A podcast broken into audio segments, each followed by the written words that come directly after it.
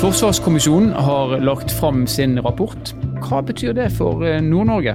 Vi har tatt en prat med Christian Kramer. Han er direktør i Sjømatrådet, men han har også vært et av medlemmene i denne kommisjonen. Dette er Nord-Norge verden. Mitt navn er Stein Vidar Loftaas.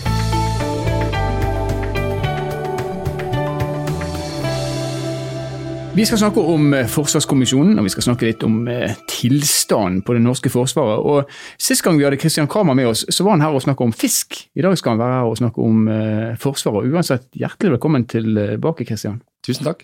Kan, kan, jeg starte med å spørre, hvorfor har de har tatt en sjømatdirektør inn i Forsvarskommisjonens arbeid? Ja, Det er et godt spørsmål. Helt åpent. Nei, kommisjonen har bestått av 17 ulike representanter og et sekretariat på nærmere ti. De 17 kommer fra, hvis du deler det litt sånn fort, i, fra politikk. Alle partier på Stortinget over sperregrense hadde en representant. Eh, akademia har vært tungt representert med professorer innenfor sikkerhet og atomkrig og, og amerikansk og, europeisk sikkerhetspolitikk. Og så har det vært en tredjedel som er kan si, mer sånn lekfolk eller fra måte, det øvrige samfunnslag. Så politi, statsforvaltning, LO. Og da jeg ble oppnevnt, så jobba jeg i NHO, så det var på en måte en sånn arv. Så kan det hende at eh, det passa sånn at både LO og NO sin representant eh, hadde krigsskoleutdannelse i bunnen. Så det var kanskje ikke helt sånn mangel på, på grunnleggende militær forståelse. Men, men, for øvrig så er jo en sånn kommisjon satt sammen av folk som ikke må være ekspert på selve Forsvaret. Og det tror jeg er litt sånn det er jo en kommisjon som ikke bare skal se på Forsvaret, den skal se på Forsvaret av Norge. Så egentlig alt vi har og alt vi gjør for å forsvare oss. Men vi skal ikke stikke under en stor stol at du er gammel forsvarsmann. Du er til og med veteran som har vært i eh, tjeneste utenfor landet. Ja, jeg har vært i Afghanistan. Ja, Så har vi satt det. Så kan vi jo nevne at jeg er faktisk gammel forsvarsmann sjøl også, selv om eh, landet heldigvis aldri har vært avhengig av at uh, aldri har vært avhengig av meg på den siden. Det kan være greit å si innledningsvis også. Men uh, kommisjonens rapport som ble lagt fram uh, nå for litt siden, når jeg blar igjennom den, så tenker jeg først og fremst at det her er en et sånn knusende kritikk av dagens forsvar. Har jeg rett i det? Jeg tror det, Kanskje først og fremst for meg så er det en tilstandsrapport over det vi har valgt uh, å gjøre med, med si, både totalforsvaret vårt mm. og Forsvaret. Vi har jo, som noen sa, vi har trodd på uh, ideen etter den kalde krigen, når muren falt, at dette kunne være bra. At vi fikk på en måte mer handel, mer samarbeid, nedbygging av uh, gamle fiendebilder. Og så har eh, årene fra 2008 med krigen og invasjonen i Georgia, krigen i Ukraina som begynte i 2014 på Krym, og nå eh, i februar i fjor, har vist oss at eh, krig og vold, både den som vi kan se på TV hver dag, men også den som vi bare vet foregår i det digitale rommet, og veldig mange andre typer trusler, har kommet nært oss. Mm. Så det, eh, jeg tenker at det er ikke kritikk mot det forsvaret vi har, eller de politikerne eh, vi har eller har hatt. Det er mer de valgene vi har gjort, og så ser vi at nå må vi gjøre nye valg. Og Der har i hvert fall kommisjonen vært veldig veldig tydelig. og Vi skal snakke om eh, hva de har foreslått. Vi skal også spesielt se på hva det her kan komme til å bety for Nord-Norge, som da er hovednedslagsfeltet til denne podkasten. Men når vi går på tallene, vi får ta det helt først. da. Eh, vi ligger i dag godt under det anbefalte nivået på forsvarsbudsjettet. altså I Nato-øyemed så snakker man om 2% av BNP. Eh, så foreslår dere da en påplussing hvert år som bringer oss opp over de to prosentene. Men i tillegg en svær ekstrasum som skal være i, hvert år i ti år. Hva, hva er grunnen til det? Ja, vi har eh, sagt, og vi har basert våre analyser ikke nødvendigvis på hva vi må ha som et minimum i prosent eller, eller liksom mot en målestokk. Men den analysen som ligger til grunn, er jo liksom, hva er det som er situasjonen? Hva er det som er trusselen i et 10-20 års perspektiv, som er det oppdraget kommisjonen har hatt? Når vi ser på de sammensatte truslene. Miljøendring er en del av det, hybride trusler, eh, statens sårbarhet osv. Og, så og en, en, mer uforutsigbar og farligere eh, nabo mot øst. Det har gjort at man har liksom regna seg fram til eh, mer sånn hvor må man ligge på, for å ta igjen det vi har på en måte spart. For å løfte oss til nivået vi har, så vi har en egenevne til å håndtere liksom, et minimum. Og så mener vi at vi må legge på ytterligere 40 millioner. Så 30 på en måte i et første løft, og deretter 40 milliarder årlig i ti år for å sikre at vi har eh, de investeringene på plass som vi mener må være der. Ja. Og da er vi, etter de ti årene, så skal vi være der vi bør være. Ja, da er vi jo, hvis vi gjør de andre grepene også, og det henger jo, det er mange forutsetninger. Sant? Penger er på en måte én ting, og da kan du kjøpe materiell, og du kan bygge strukturer. Så må du utdanne folk, du må ansette flere, du må ha flere soldater i førstegangstjeneste. Så mennesker er en annen viktig komponent. Og så er jeg veldig opptatt av det tredje, som er på en måte samfunnet totalt sett. Mm. Eh, næringslivet, organisasjoner, frivillighet, innbyggerne i landet. Det er på mange måter liksom helheten som skal forsvare oss. Det er ikke han eller hun i, i, grønt eller lyseblått eller på havet som skal fikse det alene. Det er summen av oss. Ja, totalforsvaret. Ja. Men la oss ta tallene bare sånn at vi er helt tydelige på det. For I dag så har vi et forsvarsbudsjett som er på litt over 70 milliarder. Ja. Og så sier dere at uh, det her må økes med 30 milliarder, ja. så da bikker vi over 100. Og så i en tiårsperiode skal det være 40 milliarder til. Så vi snakker altså kanskje bortimot 150 milliarder kroner. Statsbudsjettet til Norge er vel på drøye 1350 milliarder, så vidt jeg husker. Så uh, 10% av uh, av eh, de pengene vi har, skal vi bruke på forsvar. Har vi, har vi råd til det? Jeg tenker at vi har ikke så mye valg. Nei. Vi eh, har jo levd i Alle som har vokst opp i, i eh, Norge etter andre verdenskrig, har jo egentlig støtta seg veldig på at Nato skal komme og hjelpe oss. Og det ligger fortsatt veldig klart. Eh, vi er en alliansepartner, vi bidrar inn og vi forventer bidrag tilbake. Og så er, er jo hele vårt nærområde mer uforutsigbart. Det betyr at vi må ha evne til å både beskytte oss sjøl det må vi investere i, og vi må investere for å kunne være med og beskytte andre. Det tenker jeg er mer tydelig nå. Det er mer urolig i, i, i de baltiske statene. Det er mer urolig i Polen. Eh, vi har fått nytt Nato-medlem i Finland. Kanskje må vi tenke helt nytt på det. Det mener kommisjonen veldig tydelig. Og så er jo også dette pengebeløpet det er jo sånn at um, vi må investere i vår sikkerhet. Og vi er nok der. Hvis vi ser til naboland, hvis vi ser til Polen, til Tyskland, til Storbritannia, så er det jo land som i mye større grad må ta opp lån for å gjøre de forsvarsinvesteringene de gjør. Vi er jo i en helt annen situasjon. Ja. Vi, har vel, vi, har vel, tjent eh, over 1000 milliarder ekstra eh, bare siden krigen i Ukraina begynte i februar i fjor. Så vi har jo penger. Vi er på den grønne gren. Og det er nesten eh, et paradoks hvis, hvis, det er vårt største problem, at vi har så mye penger at vi ikke har råd til å bruke det på forsvar. Eh, for det handler jo om noe av det mest grunnleggende. Forsvaret av land og folk, verdiene våre, demokratiet vårt, og det vi er glad i. Og Det er litt sånn store ord, men det, det klinger ganske godt. Freden det kommer ikke gratis. Ja, noen ganger så koster det heldigvis bare penger, andre ganger så koster det, det liv. Mm. Uh, og Det er noen som må ta de tøffe valgene for å kunne forsvare vår frihet. Om noen skulle ha råd til det, så er det kanskje akkurat Norge. Men det, det er jo implikasjoner også utover penge, det pengemessige. En av eh, detaljene som er løfta fram i rapporten, det er dette her med altså hvor få unge mennesker som eh, er i verneplikt. Og Det sies at vi må få betydelig flere, 20% flere tror jeg det så, inn i, som vernepliktige. Så står jo Norge samtidig oppe i en helt annen eh, problematikk, nemlig at vi mangler arbeidskraft. Balansen imellom at vi må flytte enda flere av de vi ikke har, til Forsvaret. Hva tenker du om det? Ja, hvis vi deler de to, da. Hvis du tar verneplikten først og sier at det er jo en Eh, det er nærmest en sånn allmennutdannelse. Og, og, både du og jeg har hatt gleden av å jobbe med, med flinke, motiverte soldater, unge gutter og jenter som kommer inn. Og som kommer ofte rett hjemmefra, rett fra skolebenken. Og blir si, unge samfunnsborgere gjennom et år. Så det er jo ikke bortkasta penger, verken i forsvarsevne eller i samfunnsbygging og samfunnsnytte. Så det, det er det ene. Jeg tenker det I det store bildet tenker jeg at det er en uh, veldig, veldig god måte å bruke unge, flinke gutter og jenter på. Eh, og de brukes ikke opp, de brukes til å bli enda bedre. Så er det jo den si, ansattekomponenten som også må opp. Vi må bemanne opp for å håndtere de materiellkategoriene vi mener vi mangler i dag. Luftvern og langtrekkende artilleri, flere fartøy osv. Der må det også ansettes flere. I tillegg anbefaler vi en generell økning i mannskapsmengde, altså i de faste tjenestegjørende. Og det er jo et dilemma eh, når man vet at eh, vi blir si, stadig færre som står i arbeid. Vi får en, en eldre si, befolkning. Så her er det noen avveininger. Men også der tenker jeg at det er et spørsmål om alternativene. Mm. Vi kan liksom ikke digitalisere oss eller robotisere oss bort fra Forsvaret. Og det krever mennesker som skal håndtere stadig mer avanserte maskiner. Og så får vi litt hjelp av teknologien, for det blir jo også mulig å gjøre på en måte mer med, med systemet. Folk, ja. ja. Mm. Men vi skal også ha kontroll, og det skriver også kommisjonen litt om. Vi skal passe på at det ikke er roboter som forsvarer oss, og det er datamaskinen som tar beslutninger. Det er menneskene som må bestemme seg for om dette er en situasjon som krever at man bruker de midlene man har, eller om man skal på en måte ta et steg tilbake. La oss flytte oss litt inn på det nordnorske perspektivet, for det er det vi skal bruke mest tid på. Folk til Nord-Norge. I kommisjonen så står, man, eh, står det svart at eh, demografien er en utfordring i nord. Så sier kommisjonen da at um, man må bruke sterkere politiske virkemidler for å motvirke denne både flyttetrenden og den generelle trenden med at vi blir eldre, færre unge og flere eldre her oppe. Hva er det slags virkemidler vi kan ta i bruk for å få til det? Ja, eh, kommisjonen ser jo egentlig ganske stort på dette. Eh, noe handler jo om næringsliv og klynge og fagmiljø rundt mange av de store basene som Nord-Norge har en god del av. Du finner det egentlig langs hele kysten, og du finner det rundt de store byene. Og Det å lage på en måte fagmiljø som gjør at det blir kanskje lettere å, veksle mellom sivile og militære stillinger. Riktig. Det er også en måte å beholde folk lenger på. At du får et bredere arbeidsmarked og du får flere, flere karrierevalg. Og kanskje også et karrierevalg for en medflytter, en ektefelle eller en samboer. Så det er en del av det.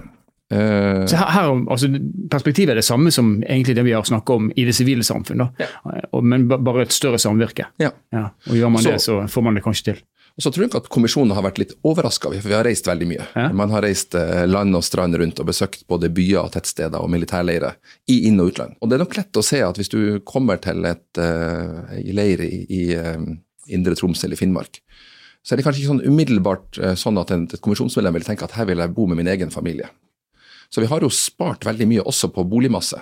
Eh, og skal du få en, si, en moderne familie til å flytte til en militærleir i Nord-Norge, så må det nok være rimelig ryddig rundt, i betydning av ålreite boliger, skole, barnehage, jobber. Sånn at vi sier noe i kommisjonsrapporten også om at man må tenke på kvaliteten på det tilbudet man gir. Og så tenker jeg jo at det, i dag er det jo en mobilitet. Vi må tåle at uh, de vi har i jobb, at en del av dem velger å pendle. Og vi må tilrettelegge for det. Fordi det er en kostnad med å jobbe i Forsvaret. Det er en kostnad med å stå i tjeneste. Og veldig mange av de som står i tjeneste i dag som offiserer eller spesialister, har jo over år vært veldig mye i utlandet. Det å forlate en familie hvis mor eller far skal i utenlandstjeneste, eh, der forholdene ikke legger til rette for liksom å ta vare på familien, da må man eh, kanskje fort se seg etter noe annet å gjøre av liksom andre årsaker enn det som man kanskje egentlig handler om hva man helst vil gjøre. For veldig mange vil jobbe i Forsvaret. Så vi sier noe om ytelser, om si, tilrettelegging og det tilbudet man gir. For man må uh, gjøre det attraktivt uh, å jobbe i Forsvaret. Ja. Og Det nevnes også behovet generelt for infrastruktur. Altså Man slår fast at infrastrukturen du er inne på det allerede når det gjelder bygningsmasser som Forsvaret disponerer, men også øvrig infrastruktur er dårligere i nord enn den er i sør.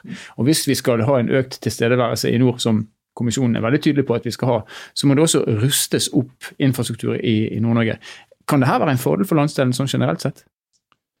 Ja, De pengene som vi foreslår å bruke, det er jo store beløp. så Her vil man kunne se synergier på veldig mange områder. Om det er på, på den klassiske infrastrukturen på, på vei osv., eller om det er på si, entreprenøroppdrag eller bruken av skytefeltene. Så, så jeg tror at, at uh, de delene av landet som, som allerede er si, Eh, godt besatt med militære eh, enheter, vil, vil se det. Mm. Men vi er også tydelige på at dette handler ikke nødvendigvis om å legge på en måte alle enhetene i nord eller alle på Vestlandet.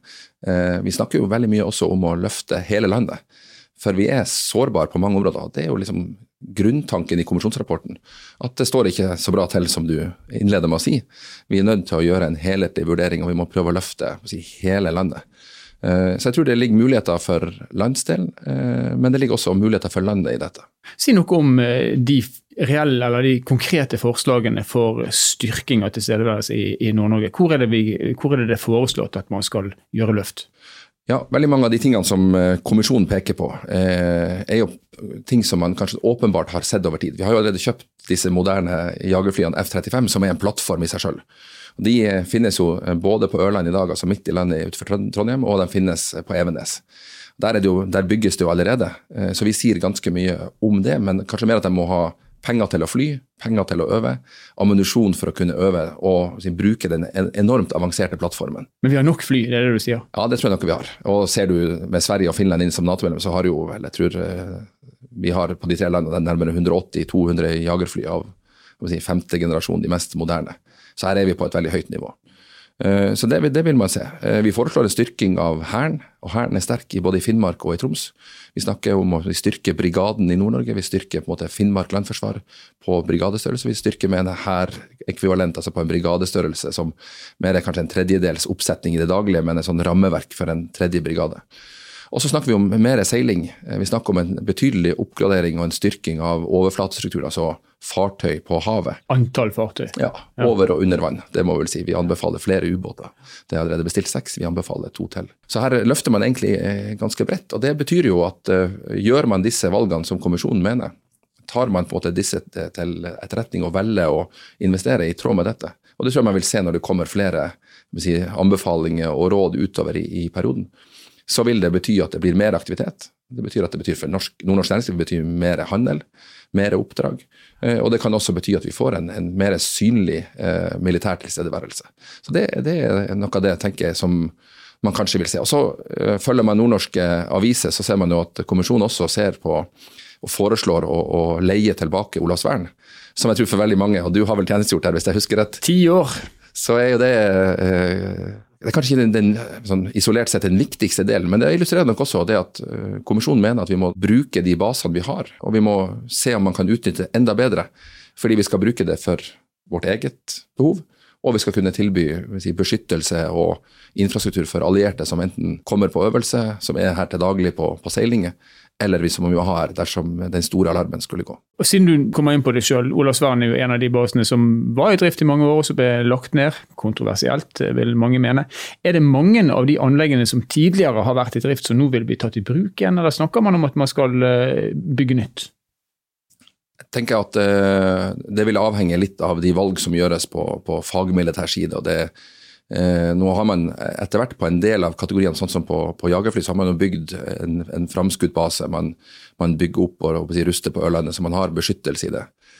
Eh, men jeg tror nok at, at man vil kunne se at med, de, med, det trusselbildet vi har i dag, så vil man ikke ha hangarer og, og si, fjellanlegg til alt. Nei. Så et spredningskonsept og en kapasitet til å tenke at man må si, flytte utstyr ut, eh, og spre det bedre. Det er jo en av de rimeligste, sånn stort sett, eh, verktøy man har for å, for å beskytte mennesker og, materiell.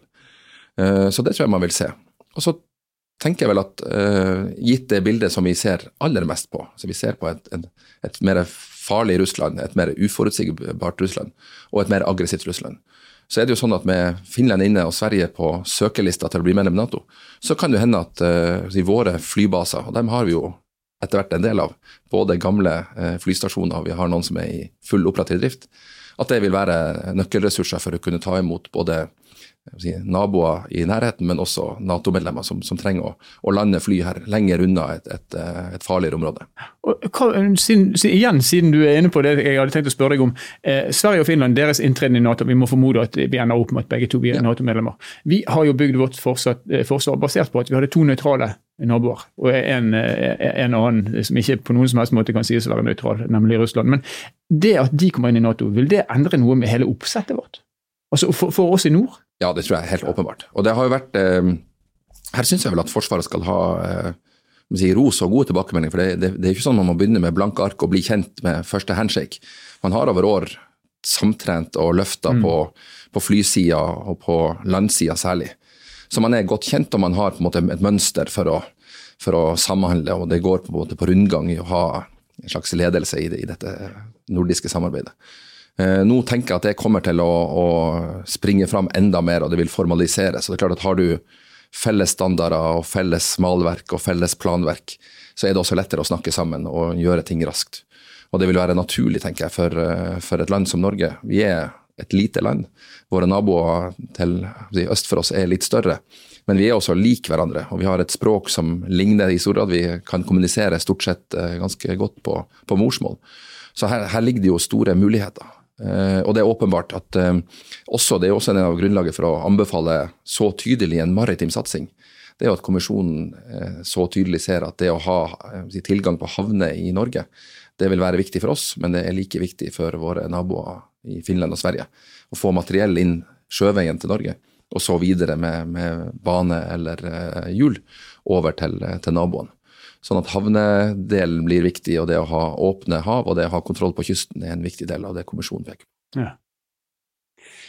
Eh, en annen ting som slo meg når jeg leste rapporten, det er dette her med altså, en tydeligere tilstedeværelse i Nord-Norge. Altså, du kan kalle det for en eh, eskalering. Eh, hva vil det gjøre med Russland? Altså, nå sier vi at vi, vi trenger det her, for Russland er blitt aggressive. Russland vil jo se på oss som mer aggressive når vi, når vi begynner en opprustning her oppe igjen. Legger vi opp til en eskalering som på en måte ikke har noen ende med å gjøre dette? Det, det tenker jeg ikke. Eh, og Norge har jo hatt en veldig, en, veldig god eh, tilnærming, etter mitt syn. Og jeg tenker nok at, at man ser at, eh, at, vårt forhold til Russland har i fredelige perioder vært eh, si, godt og, og, progressivt. Og vi har klart å, å ha måte gode diskusjoner med, med, våre allierte om hvordan vi velger å øve, og hvor man måte setter noen sånne streker i, i, på kartet for hvor man ønsker ulik aktivitet. Men vi vet jo at uh, Russland har sin strategiske flåte i nord. De har også betydelige flykapasiteter og flyr ut av, av uh, Nordvest-Russland, som er på vår grense og, og nært opp mot, uh, mot norsk land og, og, sjøterritorium. Det gjør at sant, vi er nødt til å ha en, en uh, tilstedeværelse. Eh, våre etterretningsressurser er avgjørende for Nato, på land og på sjø. Og våre styrker i det daglige, egne og Nato sine, er en viktig del av å følge med og være kapabel.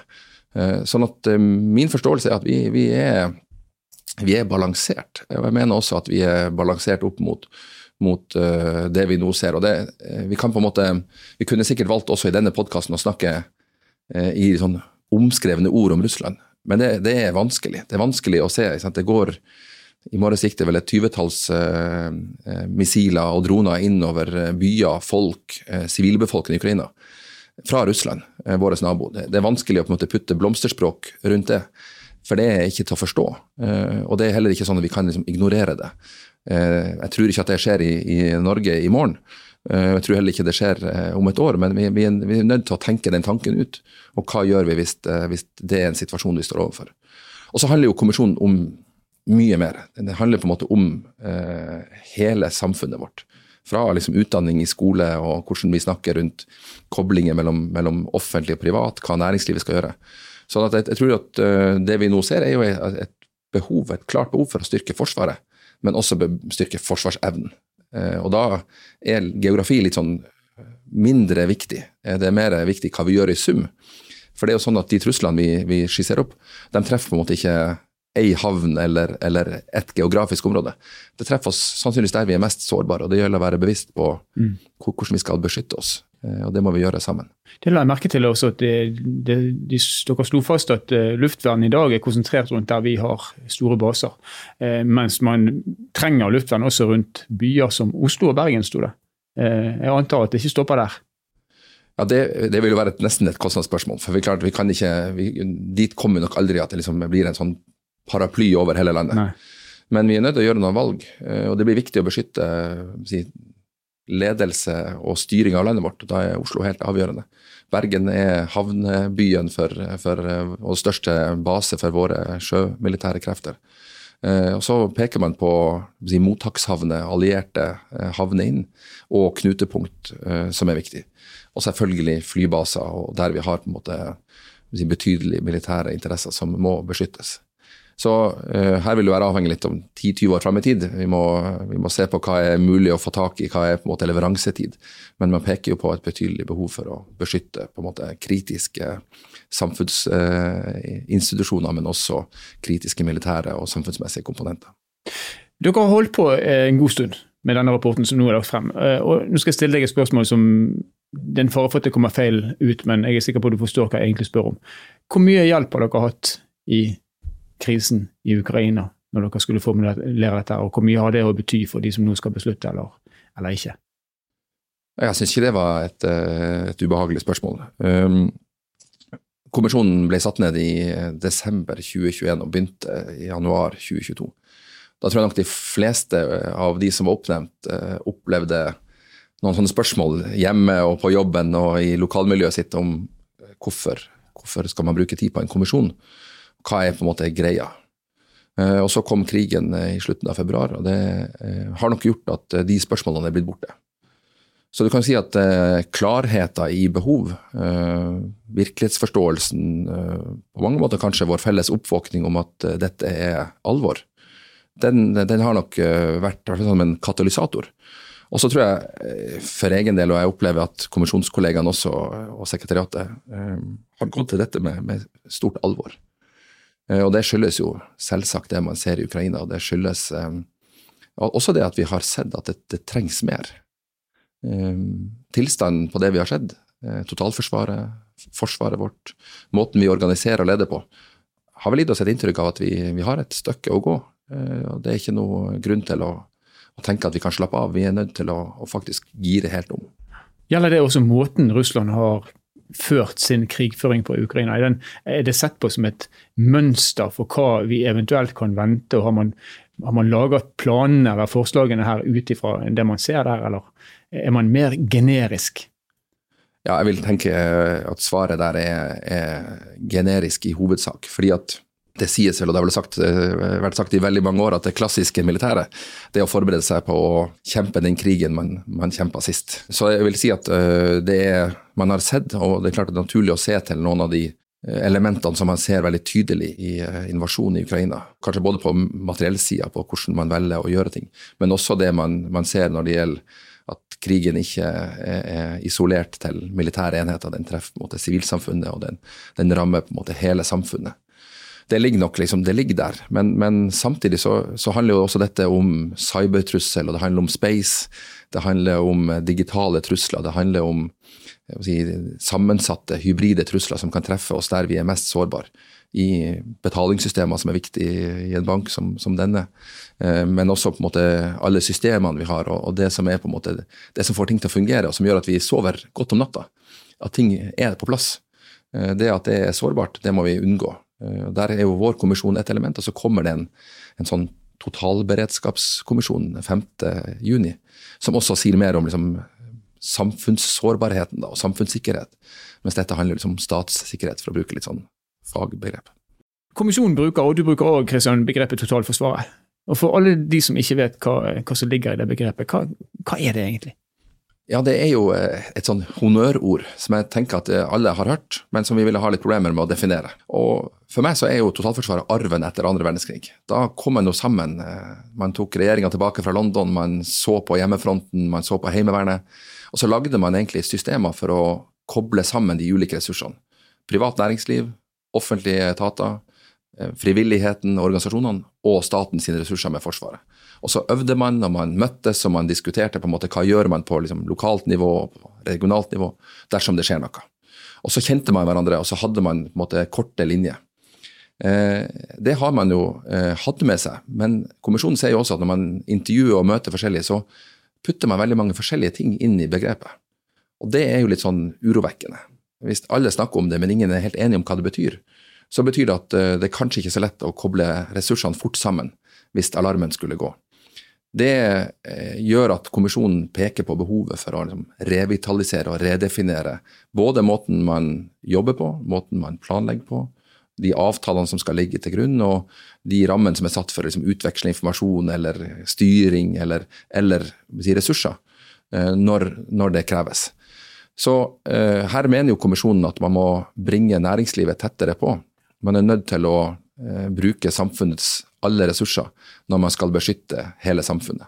Og Da må man snakke sammen, man må bygge tillit, og man må gjøre det når det er fred og ro. Og så må man egentlig stole mer på hverandre. For det er jo i møte med de store utfordringene, så er det egentlig bare det store kollektivet som kan hjelpe oss. Eh, for det er der vi ikke henger i hop, at vi er mest sårbare. Så det, det, det, tror jeg er For meg har det vært en av de viktigste sakene å, å, å ta med inn i arbeidet og ta med ut av arbeidet det er jo egentlig rollen til, til alt det som ikke er i militærtjeneste daglig. Det som skal være med og understøtte. Eh, timelinen herfra ut, eh, nå skal forsvarssjefen komme med sine fagmilitære råd. Det er vel i slutten av mai, så vidt jeg husker. Og Så skal selvfølgelig Stortinget og, og regjeringen og alle de som eh, er de som beslutter, beslutte. Hvis vi forutsetter at det går sånn høvelig som det kommisjonen har foreslått, kan du oppsummere helt til slutt, Kristian, hvordan kommer Nord-Norge nå til fremover til å til å merke dette i omtrentlig rekkefølge? Ja, dette er jo et langt tidsløp. 10-20 år fram i tid. De eh, investeringsbeslutningene som tas nå, som man vil merke først, det vil jo både komme gjennom eh, beslutninger i regjering og storting i, i, månedene og ukene og årene som kommer. Hvis jeg skal eh, si hva jeg håper på, da, så tror jeg kanskje først og fremst så må vi håpe på at det blir fred. At, at dette kommer til å gå bra for, for land og folk. Så håper jeg jo at vi nå bruker de rapportene som kommer og den situasjonen vi, vi lever i, den tida vi er som er mer urolig. Jeg håper at vi bruker si, grunnlaget her til å skape en ordentlig forsvarsdebatt, en ordentlig samfunnssikkerhetsdebatt uh, når den neste rapporten kommer. Og lar det si, leve en stund. For jeg tror vi, vi trenger å, å, snakke med dette med de yngste med ungdommene våre. Eh, vi trenger å snakke om det på arbeidsplassen. Vi trenger å på en måte finne, for min del, en, en ny sånn erkjennelse på, på, status. Så det håper jeg først og fremst. Og så håper jeg jo selvfølgelig at uh, de solide de faglige vurderingene som jeg mener ligger i rapporten, at det blir tatt til følge. At man velger å investere eh, i, i, det grunnleggende løftet, i den helheten vi peker på, og i den tunge maritime komponenten som kommisjonen har vært opptatt av. Da eh, gjør man det, og tar man også næringslivet med på, på laget. Og sørger for at man har gode avtaler, eh, trener sammen, at vi eh, kjenner hverandre fra det si, daglige, og dermed er i stand til å, å, komme sammen fort når det kreves. Så tror jeg vi vil være på et godt sted. Og da vil man se i Nord-Norge eh, tror jeg, kanskje litt flere allierte, eh, kanskje litt mer øvelser. Eh, og kanskje litt mer tilbake til man, de, de som levde på 80-tallet. At man ser at den militære tilstedeværelsen er en del av det som, som, man holder seg med. Ikke fordi at vi skal gå i en mer militarisert retning, men fordi at det er en del av, av det vi har, som politi og brannvesen og andre strukturer som tar vare på oss. Et sykehus og, og nødetater. Det er en del av uh, forsikringa vår, så det er en del av den prisen vi har valgt å betale for å unngå at det skal gå galt. Og så er det forstemmende å erfare det at eh, det må krig til for at man eh, velger å satse på eh, forsvar. Det brukne geværs taktikk osv. Men kommisjonen har lagt fram grundig, en grundig rapport. Og det blir konsekvenser av det. Det kommer til å treffe oss i Nord-Norge på en positiv måte. Tusen takk, Kristian Kramer, medlem av kommisjonen, for at du kunne være med og opplyse oss. Tusen takk. Rapporten er klar. Anbefalingene er også veldig klare. Og så skal dette her altså til eh, storting og regjering, og forsvarssjefen skal komme med sine råd. Men det er vel liten tvil om at eh, det kommer til å bli eh, store investeringer når det gjelder forsvar i Norge fremover. Mye av det her hører vi Kristian si kommer til å treffe Nord-Norge. Vi kommer til å få behov for flere mennesker. Det er jo i og for seg ikke noe nytt det trenger vi på mange områder. Men vi skal ruste opp eh, både anlegg og infrastruktur, og vi skal ikke minst børste støv av totalforsvaret. Altså sørge for at vi har et forsvar som eh, innebærer at både næringsliv og det offentlige i Nord-Norge skal virke mer i sammen med Forsvaret. Og så hører vi at eh, tidplanen er ti år. 20 år, kanskje. Så investeringene som skal gjøres, det vil bli gjort over tid. Men betydelige oppgraderinger både av Forsvaret og av Nord-Norge. Det er mye positivt i det for oss. Helt til slutt så kan vi gjenta det som Kristian var inne på, at mest av alt så håper vi jo at det her skal vise seg å være ganske unødvendig. At det skal bli fred igjen.